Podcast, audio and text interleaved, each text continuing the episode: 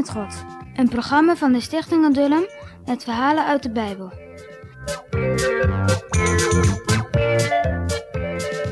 Hallo jongens en meisjes, daar zijn we dan weer met het nieuwe Bijbelverhaal voor vandaag. Jullie weten nog wel dat Mozes de berg was opgeklommen en van de Heere dat hele mooie land Canaan mocht inzien. Hij mocht er alleen niet komen. En jullie quizvraag, die hebben jullie vast wel begrepen, hè? Want waarom mocht Mozes het land niet inkomen en het alleen maar zien? Nou, jullie hebben dat wel begrepen, hè? Omdat hij ongehoorzaam was geweest en op de rots geslagen had, in plaats van te spreken. Dat was het antwoord van de vorige quizvraag. Nu kwam Josia in de plaats van Mozes. De Israëlieten moesten doen wat Josia zei. Zij konden nu het beloofde land binnengaan. De eerste stad konden ze in de verte al zien. Dat was Jericho. Om er te komen moesten ze een rivier over, de Jordaan. Maar eerst stuurde Josia twee mannen naar Jericho om die stad te bekijken. Voorzichtig kwamen die mannen bij de stad. Ze zagen die hoge muren, veel hoger dan een huis, en dik dat die muren waren. En op die muren waren hier en daar ook nog huizen gebouwd. Ze liepen de poort door en de straten in en luisterden goed naar alles wat de mensen elkaar vertelden. Ze merkten al gauw dat de mensen in Jericho bang waren. Vooral bang voor de God van Israël, de sterke God die zoveel wonderen deed. Maar anderen zeiden: Onze stad heeft dikke muren en als ze komen, sluiten we de poorten goed dicht.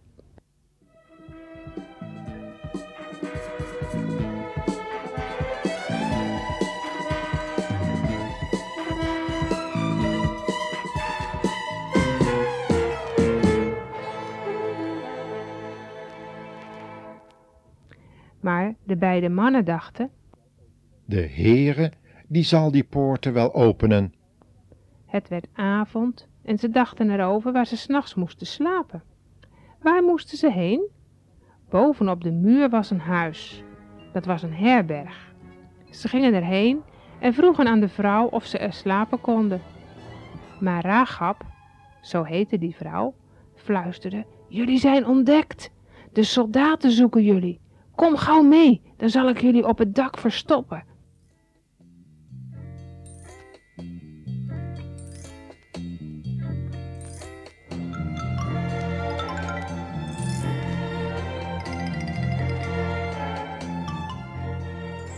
Op het dak lag vlas om te drogen. Rahab gooide al dat vlas op de mannen.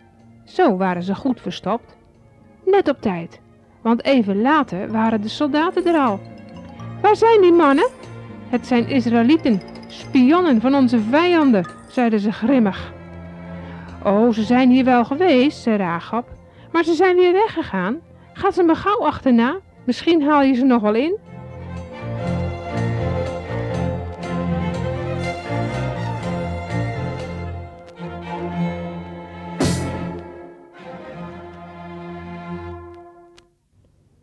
De soldaten geloofden Rahab en liepen wat ze konden. Wat waren Rahab en de mannen blij. Nu moeten jullie hier gauw weggaan, zei Rahab. Meteen liet ze een dik rood koord uit het raam langs de muur zakken. Zo konden de mannen langs dat koord naar beneden komen en vluchten.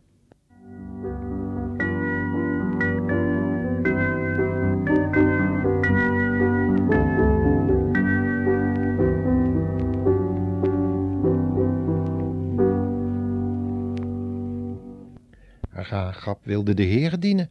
Daarom verstopte ze die mannen die van Gods volk waren. Maar ze wist nog niet zoveel af van, dat, van die God van Israël. En ook kende zijn geboden niet.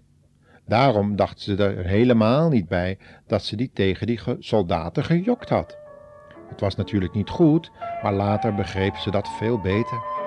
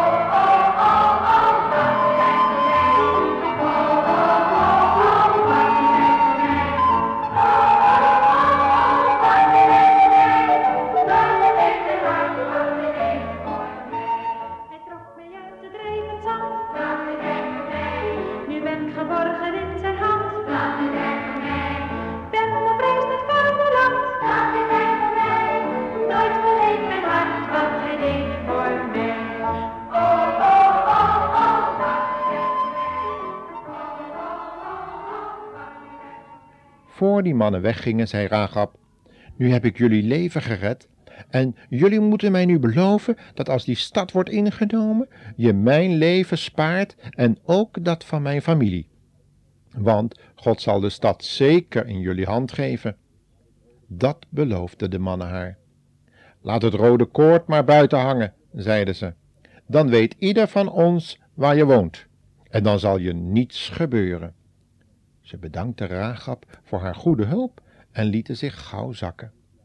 Na een paar dagen kwamen ze behouden bij Josia terug en vertelden hem hoe de Heere hen door Ragab gered had.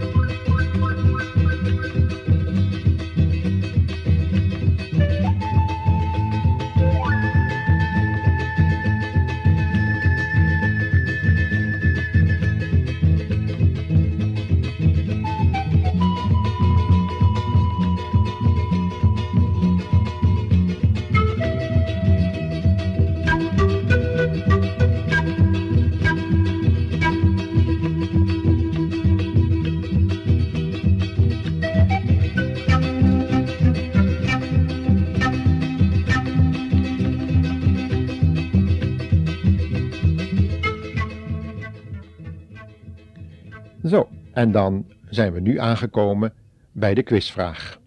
Luister maar weer goed. Hoe konden de soldaten dadelijk zien wat het huis van Ragab en haar familie was? Dus hoe konden ze dadelijk zien waar het huis van Ragab was? Nou, succes met jullie quizvraag.